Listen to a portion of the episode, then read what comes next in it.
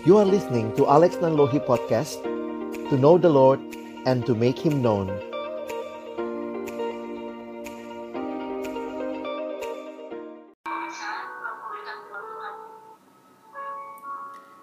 Mari sama-sama kita berdoa sebelum kita membaca merenungkan firman Tuhan.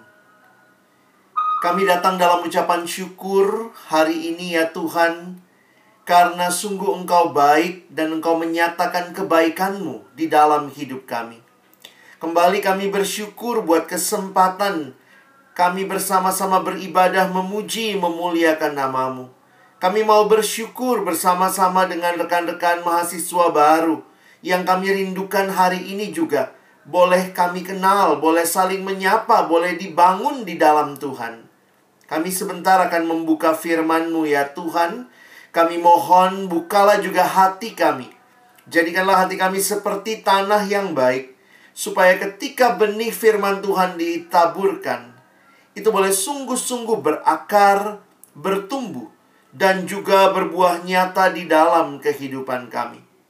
Tolong kami, pada akhirnya bukan hanya jadi pendengar-pendengar firman yang setia, tapi mampukan dengan kuasa dari rohmu yang kudus, kami dimampukan menjadi pelaku-pelaku firman-Mu di dalam kehidupan kami, di dalam masa muda kami. Bersabdalah ya Tuhan, kami anak-anakmu sedia mendengarnya. Di dalam satu nama yang kudus, nama yang berkuasa, nama Tuhan kami Yesus Kristus, kami menyerahkan pemberitaan firman-Mu. Amin. Shalom teman-teman sekalian. Tama-tama saya bersyukur kepada Tuhan buat kesempatan yang indah boleh sharing firman Tuhan dengan teman-teman sekalian. Salam kenal untuk rekan-rekan mahasiswa yang baru. Saya Alex Nanlohi. Saat ini karena virtual jadi sebenarnya indah ya dari tempat yang berbeda, kita bisa bersama-sama beribadah. Tentunya kita rindu kembali beribadah secara offline, tetapi saat ini kita pun juga bersyukur untuk semua hal yang Tuhan izinkan di tengah situasi yang terjadi. Apa kabar teman-teman sekalian?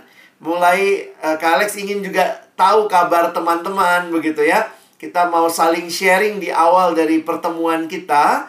Nah, saya minta teman-teman boleh menjawab di kolom chat. Ya, coba bagaimana saudara menggambarkan perasaanmu di awal perkuliahan ini, ya? Nah, ini generasi emoticon, silakan pilih nomor berapa, maksimal dua pilihan ya. Baik teman-teman yang ada di dalam Zoom maupun yang ada di YouTube, silakan. Kalau ditanya, mana yang menggambarkan perasaanmu? Oke, silakan ya. Nah, Kak Alex kasih waktu satu menit ya. Kita boleh silakan saling share dan juga boleh kita jujur aja gitu ya. Apa sih yang jadi perasaan kita ini nggak ada masalah benar salah ya. Tapi ini yang menjadi uh, perasaan teman-teman begitu. Silakan. Ada lagi? Silakan bisa share. Wah. Thank you. Yang udah share ada dari Unsimar, ada dari STT. Oke. Okay. Silakan teman-teman, apa sih yang mewakili perasaanmu saat ini? Yang di Zoom juga boleh ya. Uh, yang di YouTube juga silakan. Oke, okay, thank you. Apa yang jadi perasaan teman-teman diwakili dengan nomor berapa gitu ya. Oke, terima kasih buat yang sudah respon. Um, Kak Alex pengen dengar juga kali ya, uh, teman-teman boleh share secara langsung untuk beberapa orang. Saya minta kesediaan teman kita Elvira ya. Elvira boleh share kenapa pilih nomor 1 dan 8. Boleh sedikit share, silakan Elvira bisa dibuka mic-nya. Boleh share dengan kita semua. Silakan. Baik, terima kasih. Iya. Saya memilih nomor 1 dan 8 karena Mm -mm. saya kuliah saya saya merasa sangat senang karena akan ada sesuatu yang baru Mm -mm. dan saya nomor itu karena setelah saya kuliah saya merasa sedih karena harus dilakukan secara virtual tidak bisa saling berkata terima kasih Oh, terima kasih Elvira. Em, Kak Alex pilih satu lagi ya. Sekarang dari yang cowok. Minta kesediaan Robertus Tampang. Bisa buka mic-nya, Dek? Boleh share apa yang sedang kenapa memilih nomor itu gitu ya. Silakan.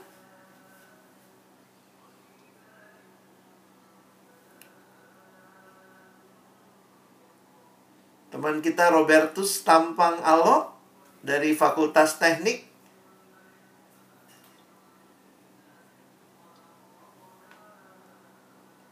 Mungkin masalah jaringan kah? Kalau Robertus nggak bisa, boleh minta kesediaan Andri. Andri Irawan Saputra. Mungkin bisa share ke kita ap- apa yang dipilih, kenapa memilih nomor itu. Silakan Andri.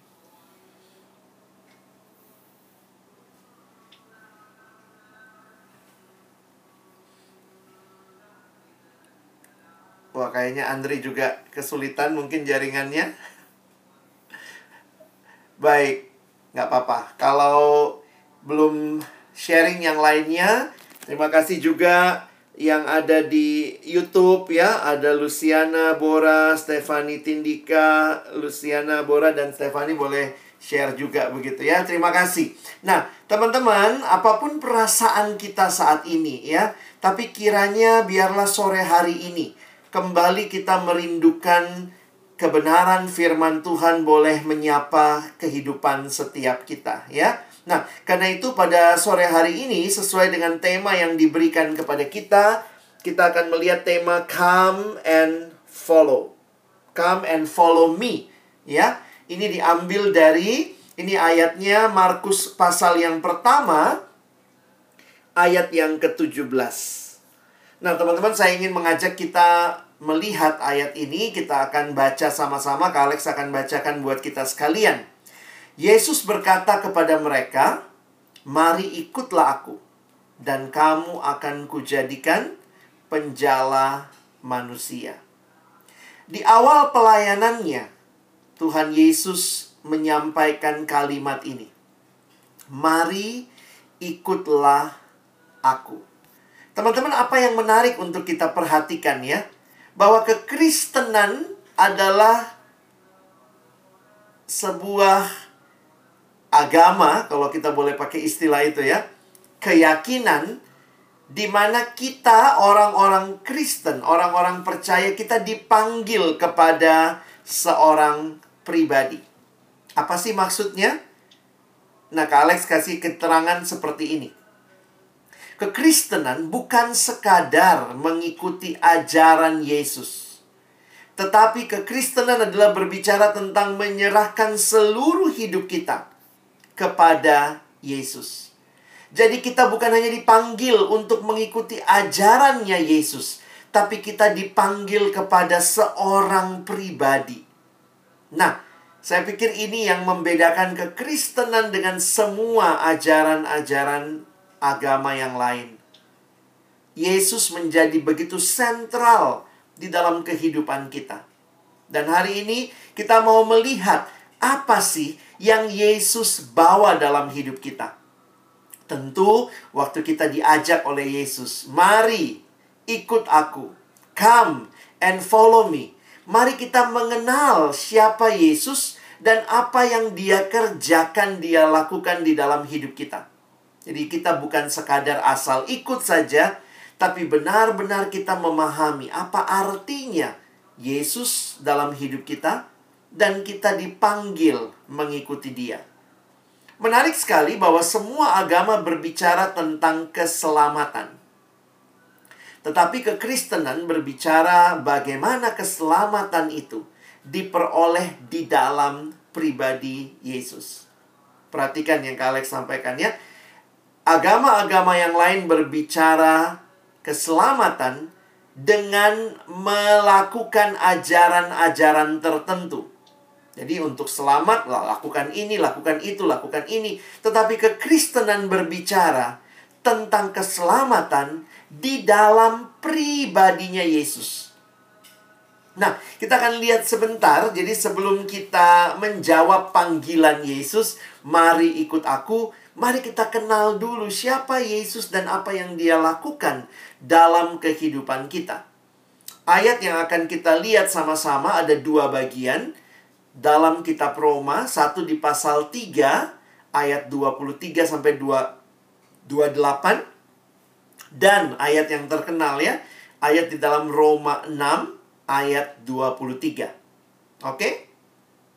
Alex sudah tuliskan ayat-ayatnya di depan sehingga teman-teman bisa kalau mau lihat di Alkitab cetakmu silahkan melihat di layar juga tidak apa-apa ya. Mari kita fokus sama-sama Roma pasal 3 kita akan lihat dulu ayat 23 sampai 28. Karena semua orang telah berbuat dosa dan telah kehilangan kemuliaan Allah. Dan oleh kasih karunia telah dibenarkan dengan cuma-cuma karena penebusan dalam Kristus Yesus. Kristus Yesus telah ditentukan Allah menjadi jalan pendamaian karena iman dalam darahnya. Hal ini dibuatnya untuk menunjukkan keadilannya karena ia telah membiarkan dosa-dosa yang telah terjadi dahulu pada masa kesabarannya. Maksudnya, ialah untuk menunjukkan keadilannya pada masa ini, supaya nyata bahwa ia benar dan juga membenarkan orang yang percaya kepada Yesus. Jika demikian, apakah dasarnya untuk bermegah? Tidak ada. Berdasarkan apa?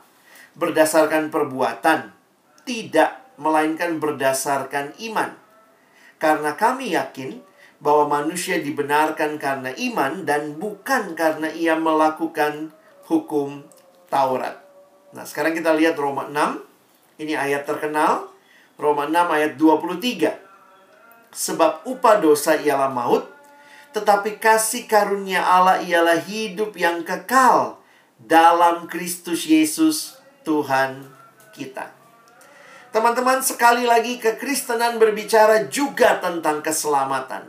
Tetapi keselamatan berbeda sekali dengan apa yang diajarkan di dalam ajaran-ajaran yang lainnya.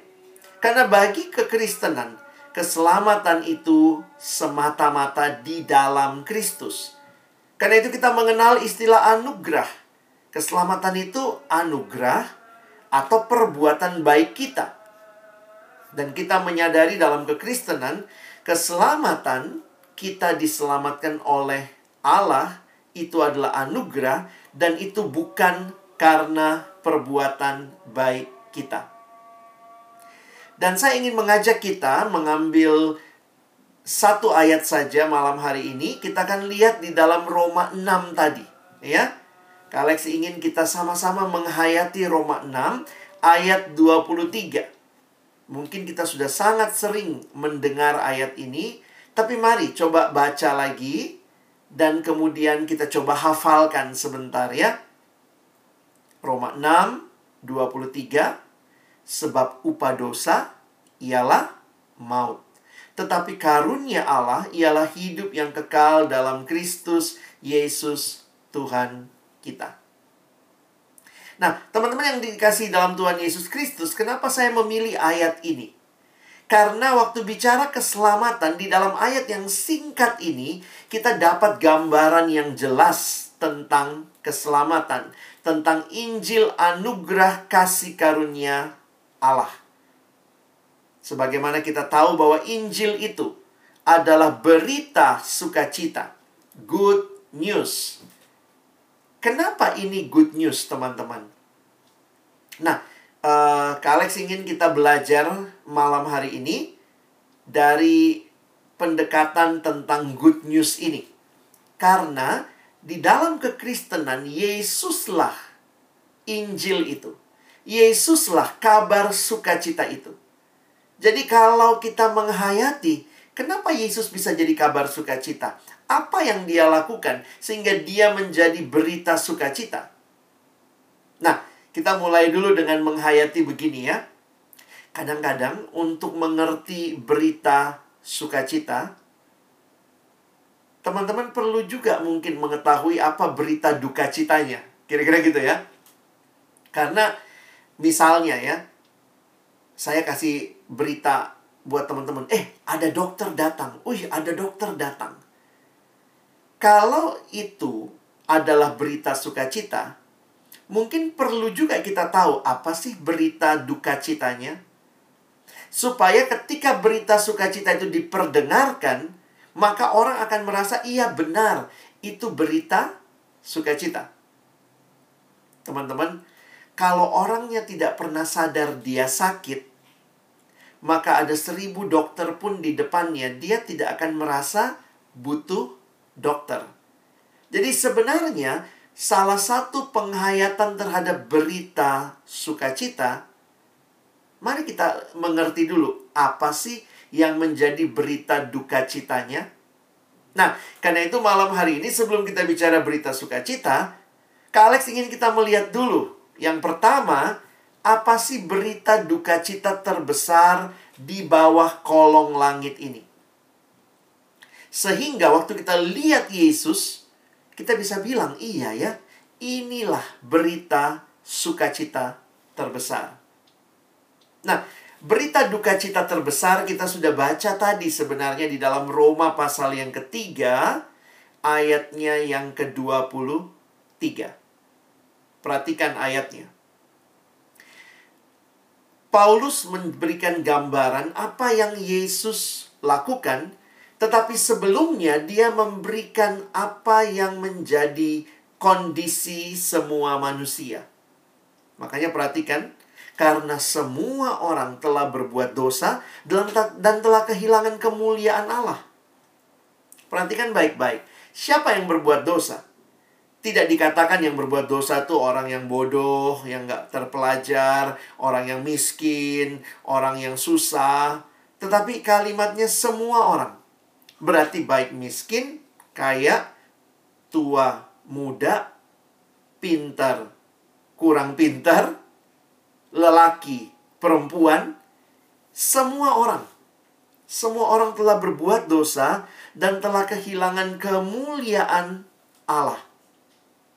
Dan berita ini menjadi kacamata kita memandang seluruh dunia, termasuk memandang diri kita. Karena waktu bicara semua orang itu berarti termasuk diri kita. Dan kemudian perhatikan dilanjutkan dengan berita duka cita lainnya yang kita baca di Roma 6 ayat 23 sebab upah dosa ialah maut. Teman-teman lihat. Semua manusia berdosa dan upah dosa sendiri adalah maut. Dan inilah yang menjadi realita yang dialami semua manusia di bawah kolong langit ini tanpa kecuali. Jadi kalau kita kembali melihat Allah yang menciptakan manusia begitu indah, begitu mulia pada awalnya, tetapi kemudian manusia itu jatuh dalam dosa dan dosa melanda semua orang. Salah satu istilah yang digunakan dalam Alkitab tentang dosa dipakai istilah hamartia. Teman-teman, apa artinya hamartia? Hamartia ini gambarannya seperti orang memanah. Kalau dia melepaskan anak panah, maka begitu dilepaskan, harusnya anak panah itu kena bidang panah. Nah, tapi lihat gambar ini. Boro-boro kena bidang panahnya. Ini nggak kena sama sekali, meleset dari sasaran. Nah, gambaran itu yang Alkitab gunakan salah satu penjelasan tentang istilah dosa. Dosa adalah hamartia. Manusia meleset dari sasaran. Manusia tidak mencapai sasaran. Contohnya bagaimana? Ketika Allah menciptakan kita, Allah punya tujuan. Allah punya sasaran yang harusnya teman-teman dan saya capai. Dalam hal apa? Harusnya kita berserah kepada Tuhan. Harusnya Tuhan menjadi segala-galanya buat hidup kita. Tetapi lihat, di dalam dosa bukan Tuhan segala-galanya. Justru manusia mengatakan, "Oh, I am everything." Akulah segala-galanya. Sama seperti bahasa Inggris, dosa itu ditulis dengan S E N, S I N. What is sin? Sin is the I in the center. Aku yang paling utama. Meleset dari sasaran. Tuhan menciptakan kita untuk menjadikan Dia segala-galanya buat hidup kita. Tetapi dosa meleset dari sasaran, manusia menjadikan dirinya lah segala-galanya. Dan karena manusia merasa dirinya lah segala-galanya, maka lihat apa yang terjadi. Begitu banyak dosa yang terjadi di sekitar kita, sehingga orang tidak berpikir tentang Tuhan, tidak mau berpikir tentang orang lain, tapi yang dia pikirkan adalah dirinya, kesenangannya. Yang penting aku puas, aku aman, aku nyaman. Dan inilah gambaran yang dosa lakukan dalam hidup kita. Begitu kita memberi celah sedikit kepada dosa, ingatlah, dosa akan mengambil alih kehidupan kita. Ada satu ilustrasi tentang dosa yang pernah saya baca dalam sebuah buku yang ditulis oleh John Stott dia mengatakan demikian. Dosa itu gambarannya seperti di padang gurun. Kalau di padang gurun itu begini teman-teman ya. Siangnya itu panas sekali, panas terik. Tapi malamnya itu juga dingin sekali. Nah, itulah di padang gurun. Jadi biasanya memang siang hari ya uh, kafilahnya uh, ini ya uh, mereka jalan Lalu kemudian malam ya mesti istirahat, mereka bikin tenda. Nah, itu biasanya kalau bikin tenda karena dingin gitu di luar, di dalam tenda sih hangat ya. Katanya biasanya tuh unta, untanya itu suka masukin kepala ke dalam tenda. Teman-teman, triknya gimana nih? Tipsnya, begitu unta memasukkan kepala harus langsung diusir. Jangan dibiarkan ya tentu unta punya mekanisme mempertahankan diri dari cuaca dingin ya. Mungkin dia juga pengen kehangatan tapi ya udah dia bisa di luar begitu. Begitu dia masukkan leher, eh, kepala, nanti kalau nggak diusir lama-lama dia masukin leher, nanti lama-lama dia masukkan lagi punuknya, nanti lama-lama dia masukkan seluruh kakinya, sehingga lama-lama nanti malah untanya di dalam tenda, orangnya yang di luar tenda. Nah, kenapa? Gambaran ini menunjukkan apa? John Stott kemudian menjelaskan, hati-hati dengan dosa. Jarang orang jatuh ke dalam dosa langsung dosa besar. Tapi itu ketika sedikit demi sedikit kita memberi celah, memberi celah, lama-lama makin dalam, makin masuk, makin masuk. Sehingga lihat, akhirnya dosa mengambil alih dan di dalam Alkitab, gambaran yang diberikan itu sangat mengerikan. Hidup di dalam dosa adalah sebuah hidup yang terikat. Bahkan kitab Roma mempersonifikasi dosa. Paulus menggambarkan dosa seperti tuan yang lagi memperbudak. Tuan yang lagi membelenggu. Jadi gambarannya makanya dipakai istilah perbuatan dosa adalah perbudakan. Jadi di bawah perhambaan dosa. Nanti bisa baca di Roma pasal yang ke-6. Hamba dosa atau hamba kebenaran. Bayangkan, dosa digambarkan begitu memperbudak. Ada orang-orang yang diperbudak dengan hal-hal seperti ini. Diperbudak oleh rokok, diperbudak oleh minuman keras, oleh obat-obat terlarang, oleh judi, dan kita menemukan di sekitar kita orang-orang yang merasa begitu mau keluar, tahu sih nggak benar, tapi begitu terikat. Karena memang sifatnya dosa. Dosa memperbudak. Teman-teman, mungkin kau bilang ya, tapi saya mah nggak diperbudak sama hal-hal ini, Kak. Tapi ada hal-hal baik yang ketika engkau dan saya tidak menjaga dengan baik penggunaannya. Hati-hati itu bisa jadi hal yang menghancurkan kamu. Contohnya apa? Nah, ini contohnya. Ya, HP itu baik ya. Sekarang semua-semua pakai HP ya. Dulu kalau ibadah disuruh matiin HP, sekarang semua ibadah mesti nyalain HP gitu ya. Kita menatap screen. Tapi jangan-jangan kita diikat, dibelenggu oleh HP itu secara nggak sadar. Banyak orang dengan HP yang canggih, smartphone, tapi nggak smart. Justru dengan HP dia jatuh dalam dosa, di HP dia nonton pornografi. Jadi ini ngeri sekali. Jangan-jangan kita diikat oleh hal-hal baik yang kita miliki yang tidak dipakai dengan benar. Ada orang yang diikat oleh Belanja. Ya tentu boleh dong belanja ya.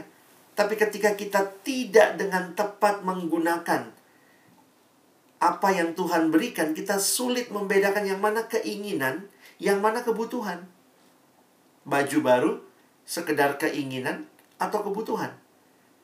Sehingga sekali lagi bukan belanjanya yang salah, tetapi orang yang berbelanja ketika dia menjadikan belanja sebagai satu sesuatu yang mengikat hidupnya. Nah, ini jadi mengerikan. Ada orang-orang yang beli barang, kenapa beli? Bukan karena kegunaan. Iya, habis lucu, Kak. Lucu, ha? Beli barang karena karena lucu. Nanti habis beli, ketawa terus gitu ya. Tapi inilah realitanya. Bahkan ada orang yang dibelenggu oleh hal-hal yang sebenarnya adalah hiburan ya. Ya kita ada yang dibelenggu oleh ini drama Korea. Ini kan hiburan sebenarnya ya. Ya boleh dong nonton, kata siapa nggak boleh nonton. Tapi poinnya adalah apakah kamu jadi penonton atau sudah jadi pecandu? Dan kamu yang bisa jawab, kamu sudah diperbudakkah oleh hal itu? Jadi jangan-jangan kita bukan menonton lagi, kita pecandu. Jadi orang yang kayak nggak bisa lepas, nggak bisa hidup tanpa itu. Beberapa orang game online, mungkin ini yang membelenggu. Nggak bisa berhenti, terus gitu ya. Dan ya game-game yang sekarang kan memang banyak yang online begitu. Orang terhubung satu sama lain. Ini yang baru lagi, im, uh, Among Us gitu ya, imposter. Kalau nonton satu malam bisa 2-3 episode drama Korea. Main game bisa tuh 4 jam, 5 jam. Baca Alkitab baru dua ayat, so manganto. Ada masalah apa ini ya? Jadi kadang-kadang saya pikir hati-hati dengan kerohanian kita yang akhirnya dibelenggu oleh hal-hal yang tidak tepat. Sekali lagi, tidak salah nonton. Apalagi sesuai dengan umurmu, kamu mungkin harus menonton yang pas dengan umurmu, tidak salah main game, tapi yang salah adalah kalau kamu bukan cuma jadi pemain game, kamu sudah jadi pecandu game. Kamu bukan lagi penonton, kamu udah jadi pecandu, diikat. Ini yang tadi Kak Alex cerita ya, ada orang-orang yang diikat oleh pornografi. Ada orang yang diikat oleh seks yang tidak semestinya. Dan ketika orang menikmati itu, di luar dari apa yang Tuhan rancangkan, Mengerikan sekali. LGBT. Belum lagi orang-orang yang merasa free dengan seks. Sex before marriage. Banyak daerah-daerah Kristen tapi juga tidak sedikit yang hamil di luar nikah, menikmati seks di luar ikatan pernikahan. Kadang-kadang saya sedih gitu ya. Daerah bisa daerah mayoritas Kristen tapi kebobrokan juga ada. Apakah ini Apakah ini yang Tuhan rancangkan? Ngeri sekali. Dosa itu menyusup perlahan-lahan. Kita berontak kepada Allah secara sadar dan perlahan. Terjadinya memang pelan-pelan. Sehingga kita tidak mengenali dampaknya yang menghancurkan. Itulah dosa. Dan di dalam dosa kita kehilangan teman-teman. Kehilangan rasa hormat terhadap diri sendiri. Kehilangan kemampuan untuk berpikir sehat. Siapa sih yang nggak tahu rokok itu nggak bagus? Tapi nggak bisa mikir dengan sehat ya. Bisa sekolahnya, kuliahnya di stikes, tapi tetap aja nggak ngerti kesehatan. Kenapa? Karena rasanya ya apa yang apa yang dibutakan begitu rupa ya. Kadang-kadang saya pikir jadi Tuhan juga repot juga ya. Coba. Kadang-kadang kalau saya jadi kalau saya yang jadi Tuhan marah juga gitu ya. Bayangkan kita berdoa Tuhan berikan kesehatan, tapi rokok jalan terus.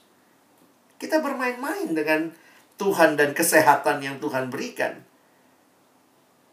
Kehilangan kemampuan untuk berkata jujur, kehilangan kemampuan untuk memberi. Kenapa? Karena orang di dalam dosa boro-boro memberi, dia sibuk sama dirinya sendiri. Kehilangan kemampuan untuk mengasihi dan kehilangan kemampuan untuk hidup kudus.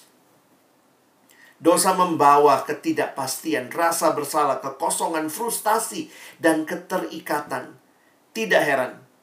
Ingat, Roma 6 ayat 23a mengatakan apa?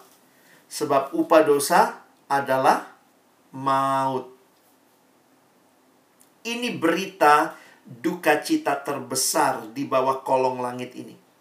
Semua manusia berdosa, kehilangan kemuliaan Allah, dan upah dosa adalah maut. Begitu mengerikannya akhir cerita manusia dalam dosa. Bukan cerita indah, tapi maut. Karena itulah kita bisa melihat ada berita sukacita. Adakah jalan keluar dari maut? Ada. Teman-teman, sayangnya kita kadang-kadang nggak baca dengan teliti ya. Kita sering kali hanya baca Roma 3 ayat 23. Kita lupa baca ayat 24-nya. Padahal berita sukacitanya itu di ayat 24-nya. Kalau cuma baca 23 itu berita duka cita. Karena semua orang telah berbuat dosa dan telah kehilangan kemuliaan Allah. Jangan cuma itu yang dihafal, hafal dua empatnya. Dan oleh kasih karunia telah dibenarkan dengan cuma-cuma karena penebusan dalam Kristus Yesus. Teman-teman ada berita sukacita karena maut bukanlah cerita terakhir bagi orang percaya. Ada penebusan. Kita tuh senangnya cuma Roma 6 ayat 23a. Ingat ya, itu berita duka citanya. Sebab upah dosa ialah maut. Itu berita duka cita, teman-teman. Jangan cuma itu yang dihafal. Harus juga hafal Roma 6 ayat 23b. Tetapi karunia Allah ialah hidup yang kekal dalam Kristus Yesus Tuhan kita. Bayangkan, upah dosa maut. Ada jalan keluar dari berita duka cita ini? Paulus langsung berkata, tetapi biasanya di balik di belakang kata tetapi itu penting ya. Eh, mana yang lebih penting? Depannya atau belakangnya? Bagi saya sih selalu belakangnya ya. Sebab upah dosa adalah maut. Tetapi, oh ada ada jalan keluarnya, ada. Karunia Allah ialah hidup yang kekal dalam Kristus Yesus Tuhan kita. Puji Tuhan. Cerita kita tidak berakhir di maut. Dosa adalah masalah manusia. Tapi Allah memberikan solusinya. Sin is our problem, but the solution is from God. And Jesus Christ the God solution. Searching for the answer to life. Kamu cari jawaban terhadap hidupmu. Hidup yang dalam dosa adalah maut, tetapi hidup yang sesungguhnya kamu dapat di dalam Yesus. Dan perhatikan bagaimana memperoleh hal ini. Menarik sekali di dalam Roma 6 ayat 23, perhatikan sebenarnya dalam terjemahan bahasa Indonesia masa kini, BIMK, dikatakan ini diberikan oleh Allah dengan cuma-cuma. Gratis, teman-teman. Tapi gratis bukan berarti gratisan. Contoh, saya kasih kamu hadiah. Gratis nih, nak teman-teman ya. Saya misalnya beli HP baru, HP terbagus gitu ya. Uh, atau laptop terbaru saya kasih sama kamu. Ini laptop. Wah gratis ke Alex gratis. Terus kamu cek di toko harganya berapa? Ih Kak Alex kasih saya laptop ih harga 10 juta loh. Oh tapi saya terimanya gratis gratis nggak gratis tapi yang bayar siapa saya yang bayar ya jadi, teman-teman ini cara berpikir yang menarik gitu ya. Bahwa memang keselamatan itu gratis, tapi sekali lagi, keselamatan tidak gratisan. Karena Allah yang memberikan anaknya bagi kita. Nah, ini yang teman-teman bisa baca sebenarnya. Kalau kita lanjut melihat di dalam Roma pasal Roma pasal 3 tadi.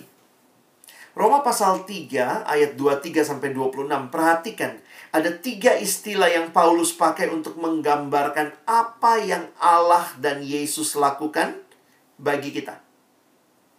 Pertama dipakai istilah penebusan.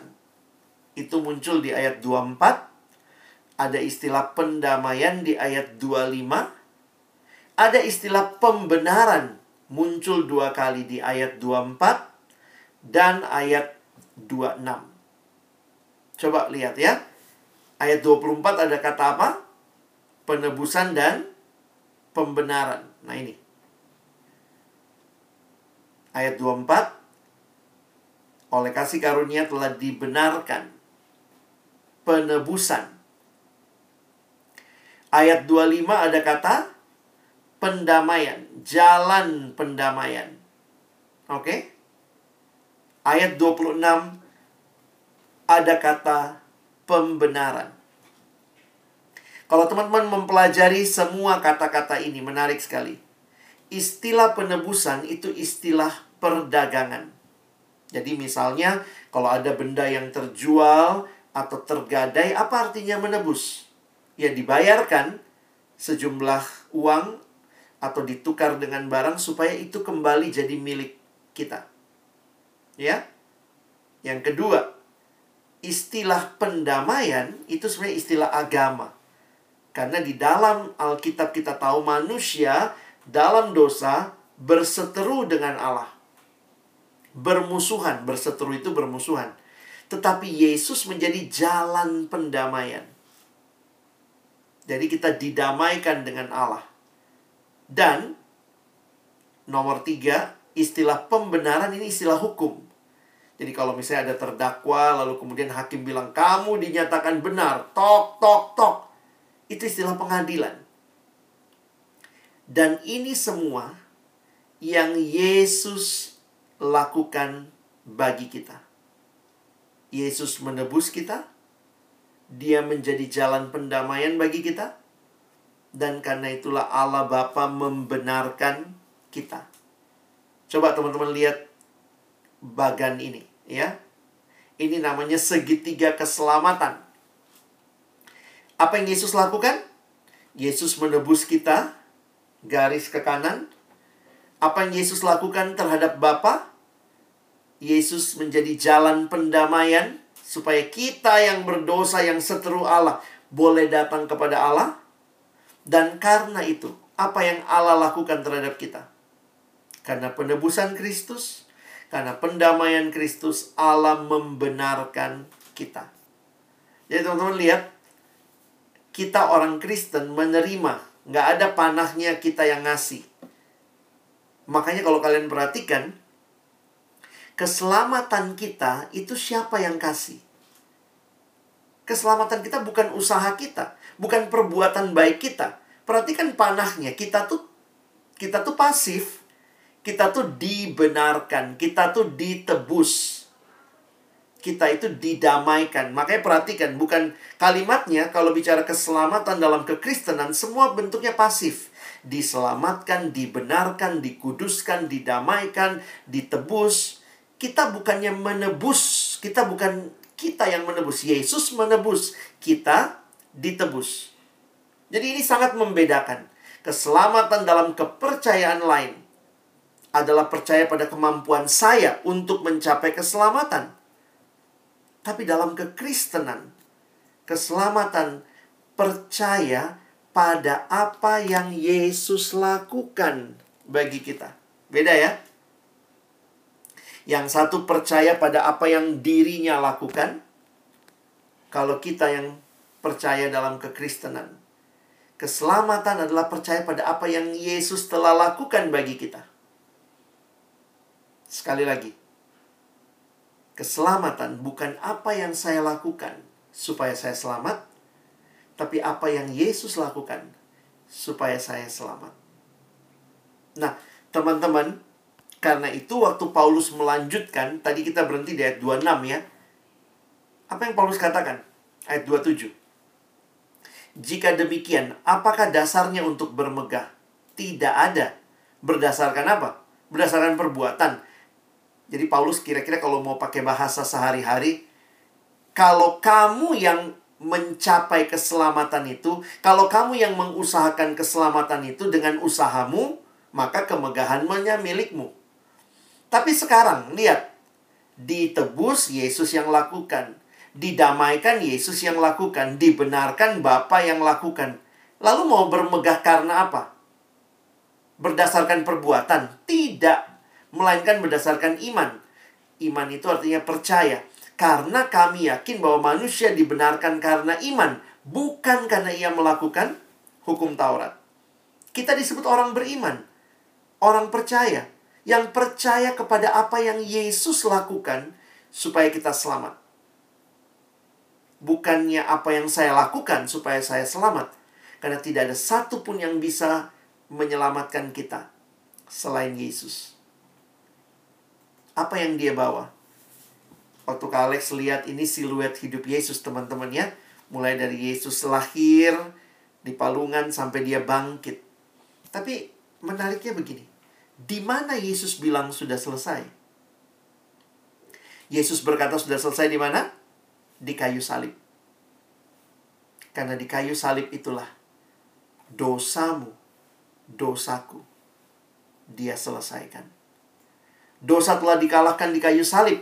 Kematian Kristus merupakan dasar pengharapan kita, janji bagi kemenangan kita. Dan di salib itu, satu-satunya jalan keselamatan. Dan salib memberikan tujuan baru bagi kehidupan. Jadi teman-teman lihat ya, berita duka citanya harus alami maut. Berita sukacitanya, Yesus, karena dialah yang menyelamatkan kita. Dan ketika dia menyelamatkan kita, perhatikan, kita dijadikan baru teman-teman. Siapa yang ada di dalam Kristus, adalah ciptaan baru. Yang lama sudah berlalu, sesungguhnya yang baru sudah datang. Ada hidup lama, tetapi juga ada hidup baru. Yang lama ditinggalkan, kita masuk dalam hidup yang baru. Hidup yang di dalamnya memuliakan Tuhan. 1 Petrus 2 ayat 4 mengatakan, Ia, yaitu Yesus. Yesus sendiri telah memikul dosa kita di dalam tubuhnya di kayu salib. Supaya kita yang telah mati terhadap dosa, perhatikan apa yang terjadi dengan kita? Hidup untuk kebenaran. Oleh bilur-bilurnya kamu telah sembuh. Kristus mati, bukan supaya engkau dan saya makin nikmat dengan dosa. Kristus mati agar kita hidup untuk kebenaran. Teman-teman, inilah Yesusmu, inilah Yesusku yang sama-sama kita percaya. Dan Yesus ini yang panggil kita. Come and follow me. Come and follow Jesus. Kalau engkau ikut Yesus sungguh-sungguh, Yesus yang telah mati dan bangkit bagimu, Yesus yang menyelamatkan engkau dari dosa, maka pasti ada hidup yang baru yang akan kau jalani. Bukan lagi hidup lama dengan dosa. Kalau dulu menikmati nyontek, ya, menikmati copy paste tugas, maka kalau kita ikut Yesus, cara belajar kita berubah. Kita mau giving the best. Cara bergaul kita bukan lagi mengikuti pergaulan yang buruk yang tidak memuliakan Tuhan kita bergaul dengan baik. Kita memberi pengaruh di mana kita hadir. Kalau sudah berpacaran, maka cara pacaranmu pun memuliakan Tuhan. Nah, ini ada kalimat true love waits. Ah, ada bawahnya tuh. Coba di zoom. Apa kalimatnya? Save it until marriage. Orang yang betul-betul mengalami karya Kristus akan hidup dalam kekudusan, akan berjuang hidup dalam kebenaran. Waktu pacaran dia tidak seenaknya coba-coba main-main, having sex yang belum dinikmati. Yang belum dinikmati karena belum dalam hubungan suami istri. Tuhan yang ciptakan seks. Tapi Tuhan yang menciptakan seks merancangkannya di dalam relasi eksklusif suami dan istri. Nah, jadi teman-teman, pertanyaannya begini. Mau ikut Yesus? Yesus panggil kita bukan untuk ikut ajarannya. Tapi Yesus panggil kita untuk terima dia dalam hidup kita. Ini responnya. Semua agama tidak ada pendiri agamanya yang meminta ikuti aku. Dalam arti jadikan aku Tuhanmu. Jadikan aku juru selamatmu. Itulah yang Yesus tawarkan kepada kita. Waktu dia panggil kita, come and follow me. Di bagian lain Yesus berkata, mau ikut aku? Tempatkan aku yang paling utama. Kalau kamu masih mengasihi bapamu, ibumu lebih daripada aku, kamu tidak layak jadi muridku. Mau ikut aku? akulah yang utama dalam hidupmu. Saya tidak tahu seberapa banyak teman-teman yang mengerti istilah terima Yesus. Tapi Kak Alex ingin menantang kamu malam hari ini. Siapa yang berkata, Tuhan, saya mengerti bahwa engkau datang ke dalam dunia untuk menyelamatkan aku dari dosa. Engkau memanggil, aku ikut engkau. Nah hari ini saya mau buka hatiku. Terima Yesus dalam hidupku. Teman-teman, saya juga lahir di keluarga Kristen, sudah ngerti kekristenan secara pengajaran, tapi ternyata saya bertumbuh dalam kemunafikan. Saya hanya jadi Kristen KTP, Kristen tanpa pertobatan, Kristen KTP, Kristen tanpa perubahan. Kristen sih, tapi ya masih nikmati semua yang saya tahu tidak menyenangkan Tuhan.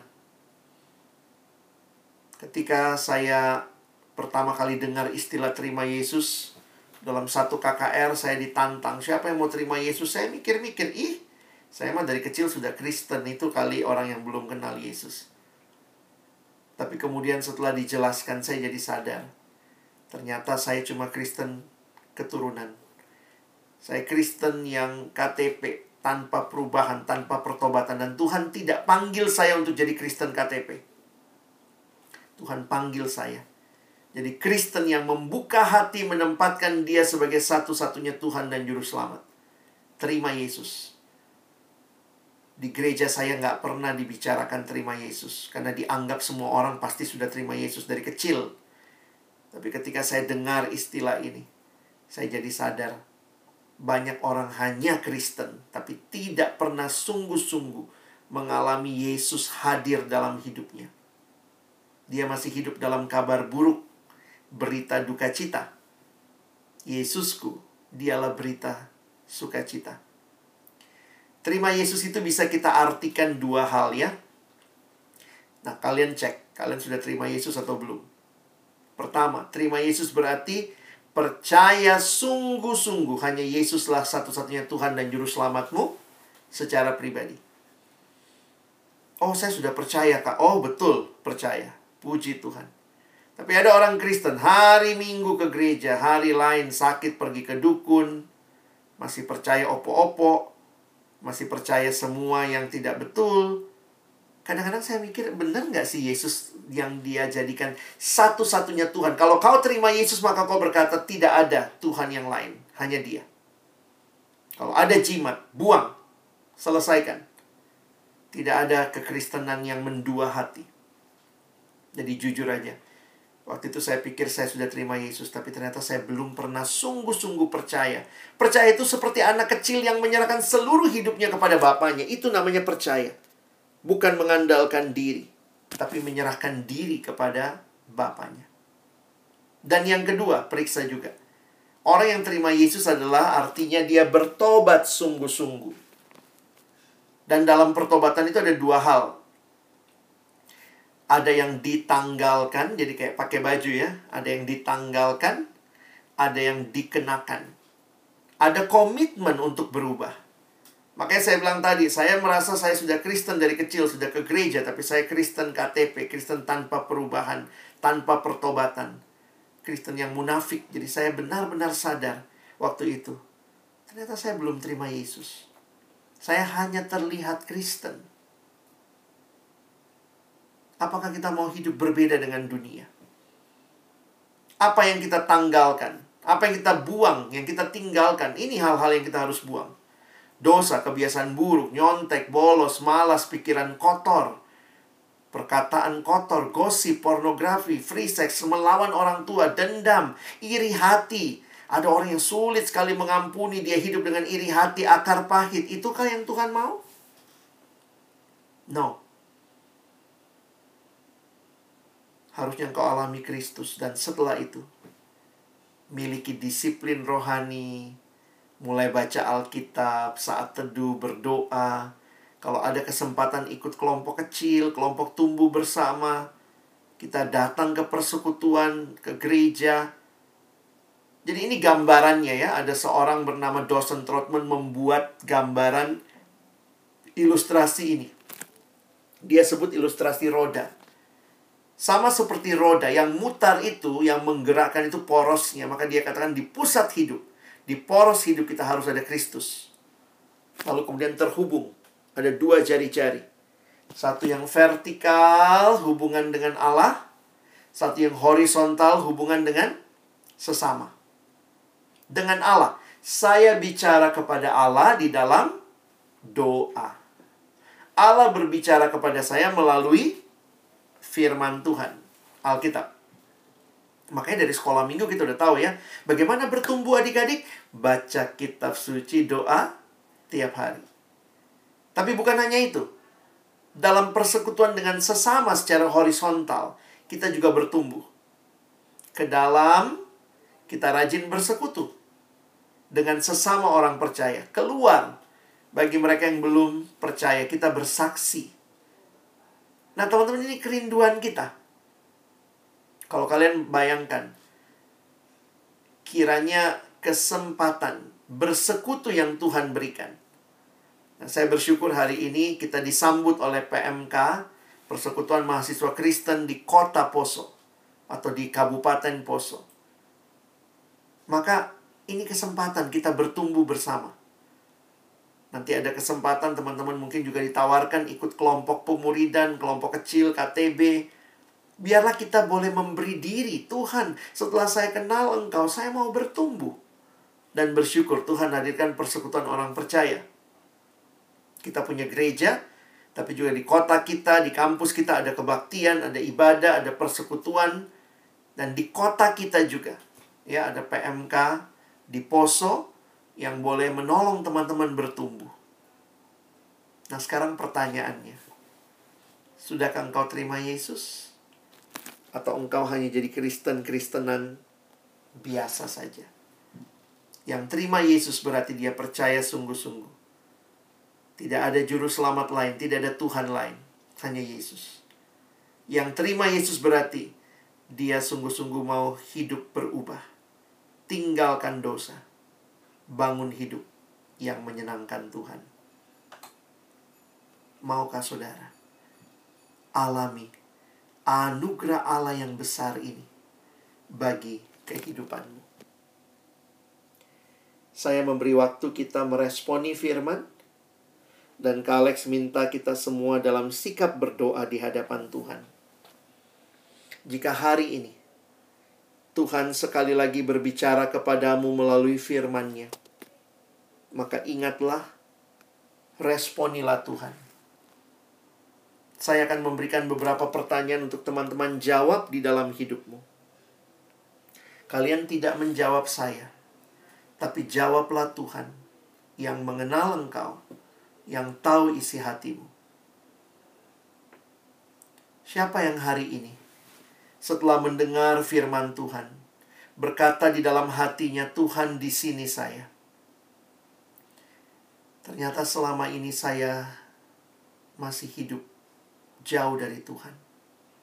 Saya Kristen dari kecil, tapi saya belum pernah mengalami sungguh-sungguh menerima Yesus sebagai satu-satunya Tuhan dan Juru Selamat dalam hidupku. Saya belum sungguh-sungguh bertobat, meninggalkan hidup yang lama dan hidup baru di dalam dan bagi Yesus. Jika ada adik-adikku yang hari ini setelah dengar firman, kau mengerti dan berkata, "Tuhan, saya mau buka hatiku. Saya mau terima Engkau sebagai satu-satunya Tuhan dan Juru Selamat dalam hidupku. Saya tidak mau hidup lebih lama menikmati dosa, tapi saya mau hidup memuliakan Tuhan." Jika ada adik-adik yang mau ambil keputusan ini, menerima Yesus sebagai Tuhan dan Juru Selamatmu secara pribadi. Kak Alex rindu mendoakan keputusanmu. Jika ada di antara adik-adikku yang mau ambil keputusan ini, izinkan saya memimpin kalian di dalam doa. Jadikan doa ini sebagai doa pribadimu di hadapan Tuhan. Berbicaralah kepada Tuhan. Saya akan memimpin teman-teman yang mengambil keputusan ini untuk berdoa kepada Tuhan. Saya mohon dengan kasih bagi adik-adikku yang mau buka hatimu terima Yesus. Saya akan memimpin kalian dalam doa. Silahkan nanti ikuti doa saya. Kalimat per kalimat. Katakanlah sebagai doamu pribadi di hadapan Tuhan. Mohon dengan hormat. Taruh tangan kananmu di dadamu sebagai wujud tanda Tuhan, aku buka hatiku kepadamu. Silahkan bagi adik-adikku yang mengambil keputusan terima Yesus. Taruh tangan kananmu di dadamu.